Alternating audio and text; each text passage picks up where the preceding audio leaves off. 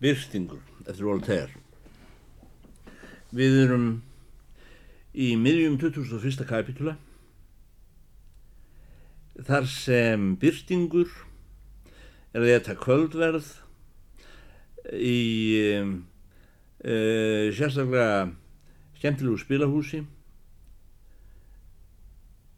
uh, og um, félagar hans með honum.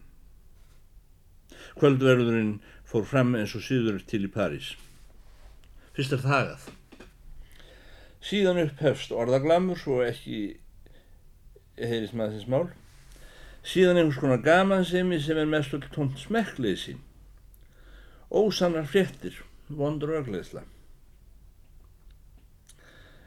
Uh, Svolítið stjórnmálatal og mikill bakburður. Hér var um, líka vel að tala um nýju bækunar. Peru gerðis presturinn spurði Hafið þið lesið skálsögun eftir hans sér að góð sann, doktor í Guðfræði? Já, sagði mötunautur, nei, ég gæti ekki lokið henni. Hér kemur út mikið af andstyggilegum bókum. En þó þar væru allar komnar saman, myndu þær ekki komast í hálfkvisti við andstyðina sem rennur upp úr honum góðsanni, doktor í Guðfræði. Ég er orðin svo uppgefin á þessu flóði af andstyggilegum bókum að ég hef tekin upp á að spila fara á. En hvað segið þið um blöndu eftir hann trublað? Erkið jákna? spurði presturinn. Æ, minnist ekki á hana, sagði markleifa frúin til Parolina. Það eru sjálf leiðindin uppmáluð. Hvaðan segir manni mikil nákvæm þess sem allir vita? Hvaðan hefur gott lag á að hafa mikið utan um það þegar mann er að tala um al ómerkilegustu hluti? Hvaðan notar andríki annara á andlausan hátt? Hvernig hann eiginlegur allt sem hann stelur? Hvernig hann er viðbjóðslegur? En ég skal ekki hafa viðbjóð á hann lengur. Mann er nóg að hafa lesið nokkrar blaðsýður eftir erkið jáknan til að verða kvittur við hann. Við borðið satt greindur smekkmaður, einn, sem stutti málstað greifafrúarinnar. Síðan var farið að tala um sorgleiki. Konan spurði hvernig á því stæði að stundum veru leiknir sorgleikir sem maður gæti ekki lesið. Smekkmaðurinn útlistaði það. Hvernig leikrið getur valdið hjá mönnum áhuga þótt það hefði næstum því enga verðleikan. Hann síndi fram á með fámorðum að það er ekki einlýtt að skeita inn í leikrit nokkrum þeim atriðum skálsögum sem alltaf hafa tælandi áhrif. Heldur verður höfundurinn að vera frumlegur án þess að vera skringilegur, oft háflegur en alltaf náttúrlegur. Þekkja manns hjartað kunni gefa því mál vera mikið skáldaðans að láta nokkra persónu leiknum vera skáldlega. Kunna mál sitt til fullustu, talaða hreint. Yrkja á því með óbrotlegri e, nærgetni. Án þess rýmið verði nokkun tíma á kostnað innihaldsins. Hann brosti við. Sá sem ekki fer eftir þessum reglum kemst aldrei í tölugóðra rítöfunda þó hann kunna fá lofaklapp í leikhúsi fyrir einnig að tvo sorgleiki. Það er mjög fáur góður sorgleiki til. Sumir eru nokks konar sveitasæla í samtalsformi. Vel skrifaður, vel rýmaður. Það eru modlulegur stjórnmála þvættingur eða segdrepandi orðalengingar. En aðrir eru órar andsettina manna í villimannlegum stíl sundurslitnu máli með laungum ávörpum til guðanna að því höfundurinn kann ekki tala við manneskjur. Allt fullt á raungum staðhæfingum og uppbeldum tónirðum. Byrtingur hlustaði með eftirtækt á þessi orð og fjekk háar hugmyndir um ræðumann. og með því markgreifafrúin hafði sett hann sér við hlýð, laut hann að eira hennar og spurði hvíslandi hver sem aður var er svo vel meldist. Konan sagði það er vísindamadur eh, sem ekki tekur þátt í spilum og kemur hingað stundum í kvöldmat með prestinum. Hann er mjög vel að þessi sorgleikjum og bókmentum og hefur sannið einn sorgleik eh, sem reyndar að eptu nýður og eina bók sem hefur aldrei sérst nefn í búðinni forleikjanans að einu eintæki undanteknum sem hann hefur gefið mér. Þetta er mikilmenni, saði Byrtingur. Þetta er altunga annar. Síðan snýra hann sér til mannsins og sagði, minn herra, ég þykist vita að það sé yðar skoðun, að allt sé eins og best getur orðið í heiminum, svo frá efnislegu sem siðrænu sjónamiði og ekkert geti orðið öðruvís en það er. Fjarrir fyrir því ég hugsi svo herra minn, sagði vísindamæðurinn. Mér finnst allt vera öfugsnúið hjá okkur. Engin skilur stöðu sínan í skildur. Engin veit hvað gera skalni og ógjert látið. Tímanum er eitt í andstykkilegt þjark. Nefna rétt á meðan verður að borða kvöldmatt. Það voru svolítil gladverð og eining á vitraborðinu. Jansenistar er á móti mólinistum, alþingismenn á móti kirkjuhauðingjum, bókmyndamenn á móti bókmyndamennum, hirðmenn á móti hirðmennum, fjármálamenn á móti almenningi, konur á móti mönnum sínum, ættingar á móti ættingum, það er endalust stríð. Byrtingur svarðunum, síðan hef ég það vera, en spekingun okkur sem síðar varð fyrir því óláni að uh, vera hengdur kendi mér að allt þetta sé með ágætum. Það er aðeins skuggarnir í fárum málverki. Gálgamaturinn í þar hefur verið að narrasta heiminum, sagði Martin. Þessi skuggar ykkar eru óþvottur. Óþvotturinn er mönnanum að kenna, sagði Byrtingur. Og þeir get ekki án hans verið. Ekki er það þeirra sög, sagði Martin. Þorri spílamanna skildi ekki þetta tal og heldu áfram að drekka. Martin held áfram að skrabla við vísindamannin og Byrtingur held áfram að segja húsmóðurinni af ævindinum sínum. Eftir kvöldmatinn fór markgreifafrúin með Byrting inn til sín og bauð hann þar sæti í legubeknum. Jæja, sagði hún, svo þér eruð alltaf jafn döð skotin í enni ungfrú Kunigund frá Tunderden Tronk. Já, frú minn góð, sagði Byrtingur. Markgreifafrúin svarað og brosti blíkt. Þér svariði mér eins og vestfalskur pildur.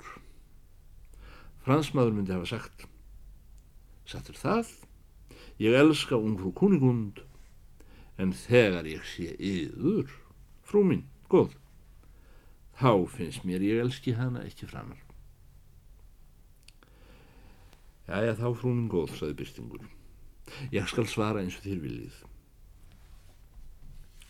Markgreifafrúin sagði, ást yðar til hennar Kunigund byrjaði á því að þér tókuð upp vasaklútin hennar.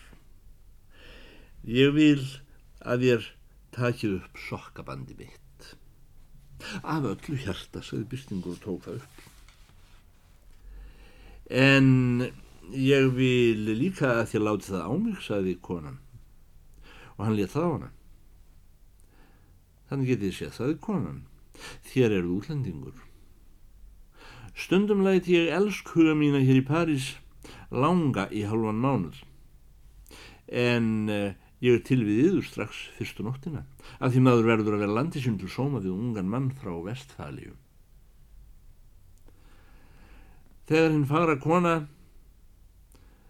kom auga á demans hnullungana tvo sinna á hvori hendi þessa útlenda pills lofaði hún þá að svo hreinum hug að þeir runnu af fingurum byrtings á fingur markgreifafrúarinnar.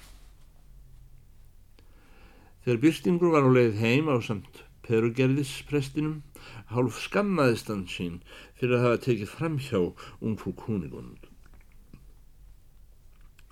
Sér að pergirðingur tók þátt í leiðindum hans yfir þessu að hann hefði ekki fengið þeim að lítinn hlut í 50.000 franka tapi byrstings og verðmæti demants ringana tveitja sem höfðu orðið eftir að hálfu vegna örlætis, hálfu vegna fjepindar. Það var ætlun að græða eins mikið og kostur var á kunningsskap sínum við byrting. Hann rætti mikið við hann um kuningónd og saðist byrtingur myndi byggja þessa fáru mei fyrirgefningar á ótrýð sinni þegar hann hitti hann í fenægum. Pergirðingurinn færðist í aukana með kurteysi og nærgetni og tók innilegan þátt í öllu sem Byrstingur sagði, gerði og áformaði. Hann sagði Byrsting. Eftir því sem ég best veit hafi þér stefnumót í fenægjum vinnur góður. Hei áprestur minn, sagði Byrstingur, ég má til að fara að hitta ung frú Kúnigond. Hann var svo hamingjusamur að meg að tala um hana sem hann elskaði að hann vissi ekki fyrir en hann var enn einu sinni byrjaður að segja frá æfintýrum sínum og þessara frægu vestfæljum eigjar. Ég held, saði presturinn, að hún frú kúningund sé stórgáðuð og skrifit höfrandi bref. Hún hefur aldrei skrifað mér til, saði Byrstingur. Því eins og þér getið ímyndað yfir, gæti ég ekki skrifað henni eftir að búið að reka mig úr kastalanum er ást mína til hennar. Síðan frétti ég á mér í dáin.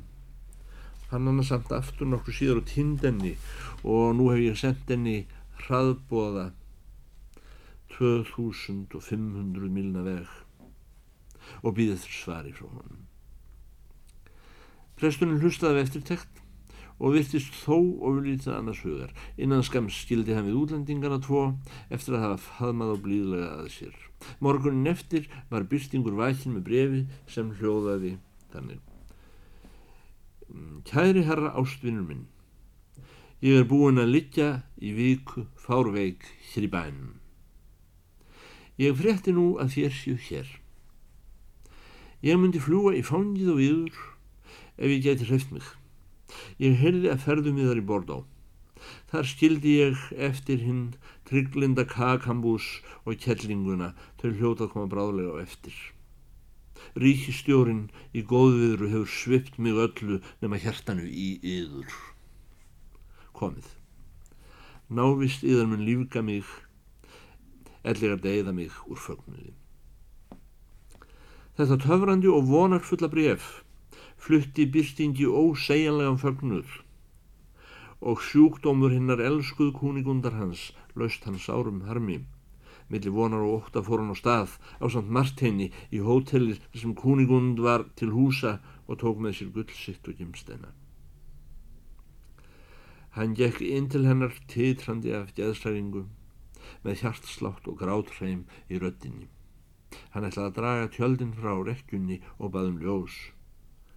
Varðir yfir á þessu, sagði þjónustan. Ljósið drefur hana. Síðan dróðun rekki tjöldin fyrir aftur. Elsku kúningund mín, sagði Byrstingur grátandi, hvernig líður yður? Ef þér getur ekki séð mig, þá talið að minnstakosti við mig. Hún getur ekki talað, sagði þjónustan. Þá rétti stúlkan fram digra hönd undan rekju voðunum og vætti byrtingur hana með tárum sínum og fyldi hana síðan með demöntum en skildi eftir fullan póka af gulli í hægindastólum. Meðan á þessum viðskiptum stóð kominn lögreglufóringi í fylld perugjelispressins og hóps af lögregluþjónum. Nú, svo þarna eru þessir tveir grunnsamlegu útlendingar, sagði hann.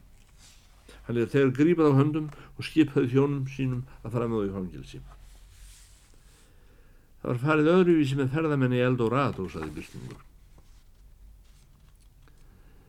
Ég er meiri maníki nú en nokkru sinni fyrr, saði Martin. Hvert ætli þér að fara með okkur, herra minn, saði Byrtingur. Í svartólið, saði lauruglufóringin.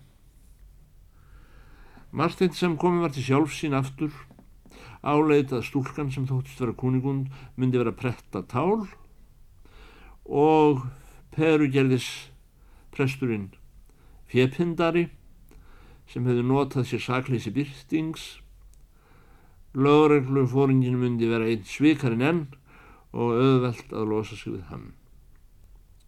Byrstingur komst loks í skilningum þetta. Og þar sem hann var óðfús að sjá aftur hérna sönnu kuningund en vildi helst sleppa við réttaransóknir bauðan lauruglufóringjanum að þykja af sér þrjá litla demanta sem hverum sig var 30.000 gullpenninga veriði. Herra trúsaði maðurinn með íbenn viðarstafin. Þó þeir hefðu dríkt alla þá glæpi sem hægt var upp að hugsa verður hefðvirðasti maður á jarðaríki þrýr demantar. Hverum sig þrjú þúsund gullpenninga vilji minn herra ég og bróður í djeppi á Normandi þangað fer ég meður og ef þið reyðið eftir smá demant að gefa honum þá mun hann annast um miður eins vel og ég verða sjálfur. Og af hverju er síður að handtaka alla útlendinga spurði byrtingun þá tók perugerðispressun til orða á meldi það er að því að fantun okkur úr landinu atribati.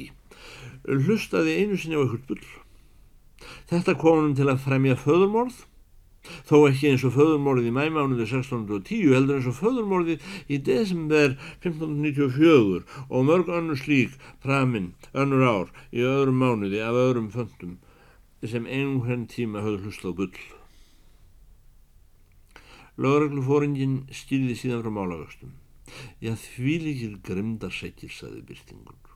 Hvernig geta slík ósköp gerst með þjóð sem dansar og syngur?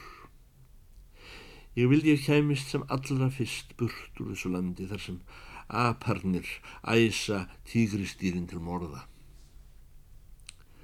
Í heimalandi mínu sá ég byrni, menn hef ég ekki séð nefn í Eldorado. Herra lauruglufóringi, í guðana bænum, farið með mig til fenæja þar sem ég á að býða eftir ungfrú krónigunum.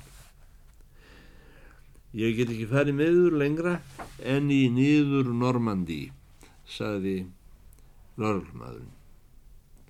Hann let strax leysa fjötranabyrtingi, sagðist hafa farið mannavilt, skipaði þjónum sínum að hypja sig fór til djeppis með byrting og martin og afhendi þá bróðu sínum. Lítið hollenskt skip lág á höfninni. Uh, Normannin varð uh, þjónust sem hinn sjálf þegar hann fekk þrjá demanta, fór með bylting og félag hans um borði í skipið en það var á leið til Portsmóðu í Englandi. Þetta var að vísu ekki leiðin til Fenæja en byrtingi fannst hann vera leistur úr víti, hann var ákveðin að snúa á leið til Fenæja óðar en færi gæfist. 2003. kapitúli Byrtingur og Martin í námundafisrendur Englands. Og það sem þeir sjá þar. Og alltunga og alltunga og Martin, Martin og elsku kúnigun mín. Hvers konar heimur er þetta sagði Byrtingur þegar þeir voru komnir í hollandska skipið?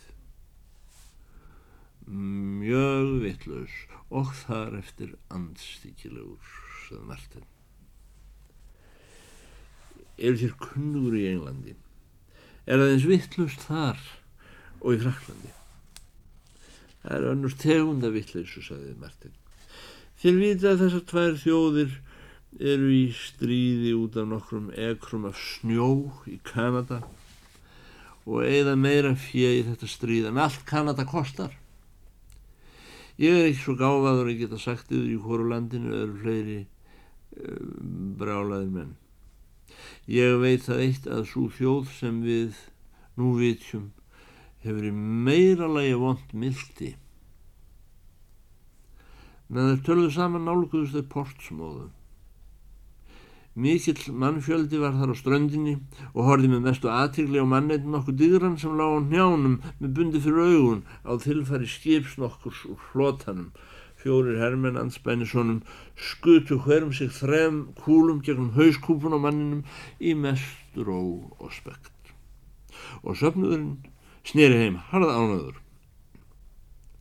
Hvað getur nú þetta verið, sagði Vistingur.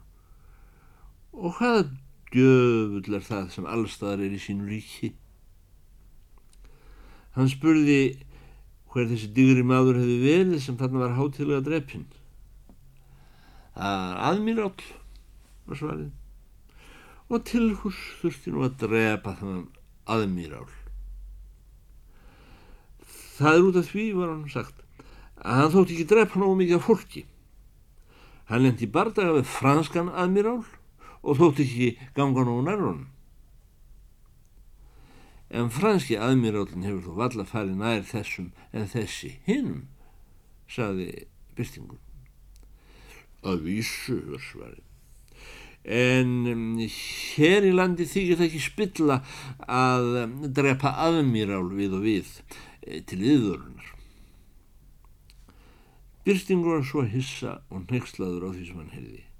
Að heldur en stýra fæti sínum á land, kaus hann að gera samning við hollandska skipstjóran um að flytja sig sem snarast til fenæja og það meira að segja þó hann ætti á hættu að öllu væri stólið af honum eins og í súrnámu.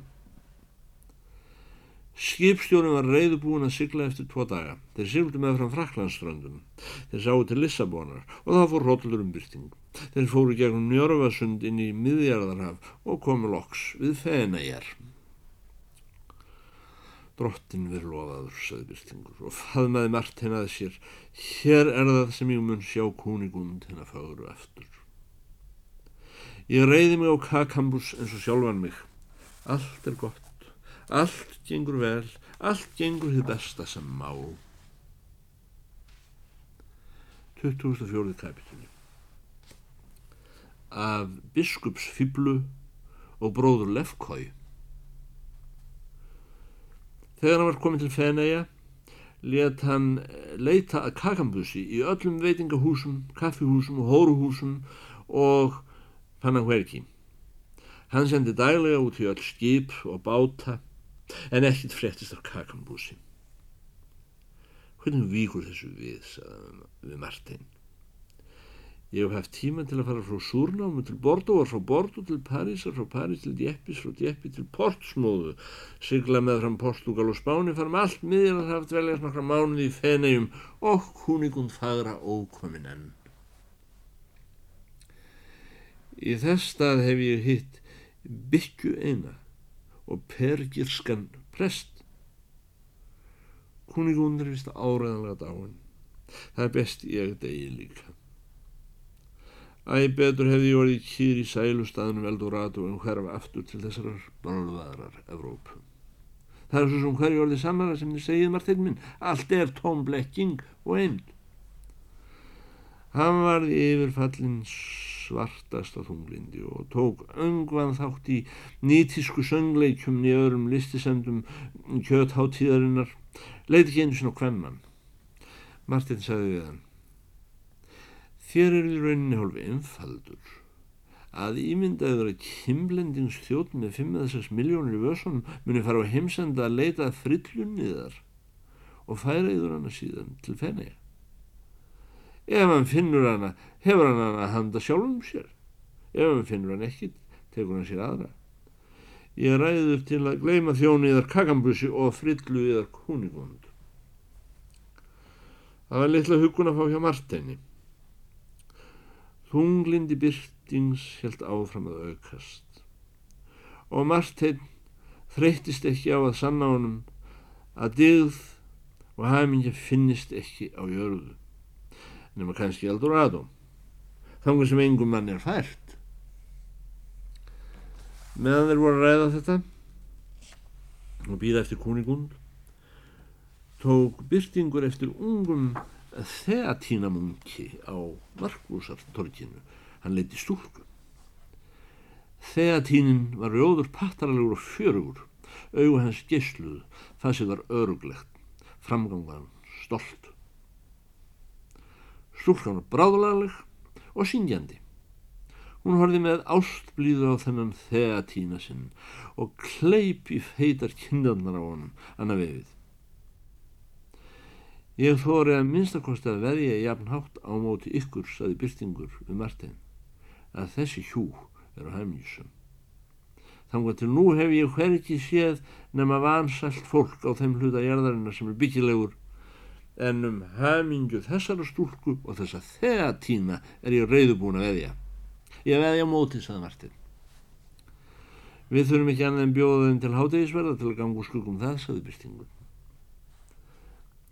Síðan vek hann sér að þeim kurteislega og böði þeim heim með sér til gildaskála, borða með sér makrónur, langbarskara akurhænur og styrjurhókn og drekka pulkanfellsvín, kristár, kýpurvín og samosæjarvín. Stúlkan roðnaði, þegar tínin tók bóðinu, stúlkan fylgdi þeim og horfi á byrting ringluð og undrandi og gæti ekki tára bundist. Loks þegar hún var komin til Herbergis byrtings sagðum við hann Hvað er að tarna? Þekkir ekki byrtingur lengur hann að biskupsfiblu? En byrtingur sem hafi verið allur með hugan við ung frú kúnigund og þess vegna ekki tekið nógu vel eftir stúlkunni svaraði orðum hennar þannig ég veslingsbarn svo þarna eru þér sem komið honum doktor Altungu í þetta líka þokkalega ástand. Æ, góði herra, já, það er ég, sagði biskupsfýbla. Ég heyri að þér vitið allt. Ég horfi upp á öll þessi sjálfingar óskutin yfir húsið greifinunar og hann er kúnigundarfagrum. Ég sveriður að mín örlög hafa ekki orðið öllu skári. Ég var tiltölulega saglaust þegar ég sáði nú fyrst. Frans Munkur sem var skriftafæðin minn drómið öðveldlega á tálar. Afleiðingarnar eruðu voðalegar. Ég neittist til að fara burt úr kastralanum skömmu eftir að herra greifin ræktiður burt með sparki í sittjandan. Ef frægur læknir hefði ekki hjálpað mér verði ég döð. Í þakklæti skynni við lækning geðist ég frillaðans um skeið Konan hans var trillt af afbríðisemi og landi mjög miskunnulust á hverjum degi, hún var svarkur. Þessi læknir var allra manna ljótastur og ég var vansælust hvenna að vera barinn dögum oftar vegna manns sem ég unni lítið. Þér skiljiði hvað hættulegt að getur orðið fyrir stríðlinda konu að vera gift lækni. Einn góðan veðurdag Þegar maðurinn var orðin uppgifin og látt honum í konunni, gaf hann henni svo kraftgott meðal við kvefslæðingi án dó eftir tvo klukktíma og hryllilegum krampa. Ættingir konunnar bjögust við sakamáli á hendulegnum en hann flúði og ég var sett í tukthúsið. Sakleysi mitt myndi líkt hafa tjóað til að bjarga mér hefði ég ekki verið en dálítið lagleg. Dómarinn let mig lausa með þeim skilmálum að verða eftir maður leknisins. Ekki leið á laungu áður en Elja mín bólaði mér burt án þess ég hefði þegið nokkra umbun og þannig var ég að halda áfram þessari andstíkilugu atvinnu sem í augum okkar kallmanna byrðist svo ánæguleg en er í raun og veru endar djúpið sjálft. Ég fór til fenæja að stunda þessa atvinnugrein Ó, herra minn góður, eða getur ímyndaður hvernig það er að verða að gæla annars hugar við gamlan kaupmann, málafærslumann, munk, bátstjóra, prest, að vera í þeim krökkum að þurfa að fá sér leð millipils í vonum að einhver kall skrætti fletti uppum hann. Að láta einn stela frá sér því sem hann hefur áskotnast hjá öðrum að þóla fjepind af undirmönnum fókitans og eiga síðan fyrir sér hróðalega elli, spítala og sorphaug svo þið sjáuð að ég er einhver vansælasta skeppnan og jarðrík. Þannig opnaði biskups fýbla hjarta sitt fyrir bystingi í gistihúsi einu að Martin viðstöldum en hann sagði Þarna var ég hálft verðmálið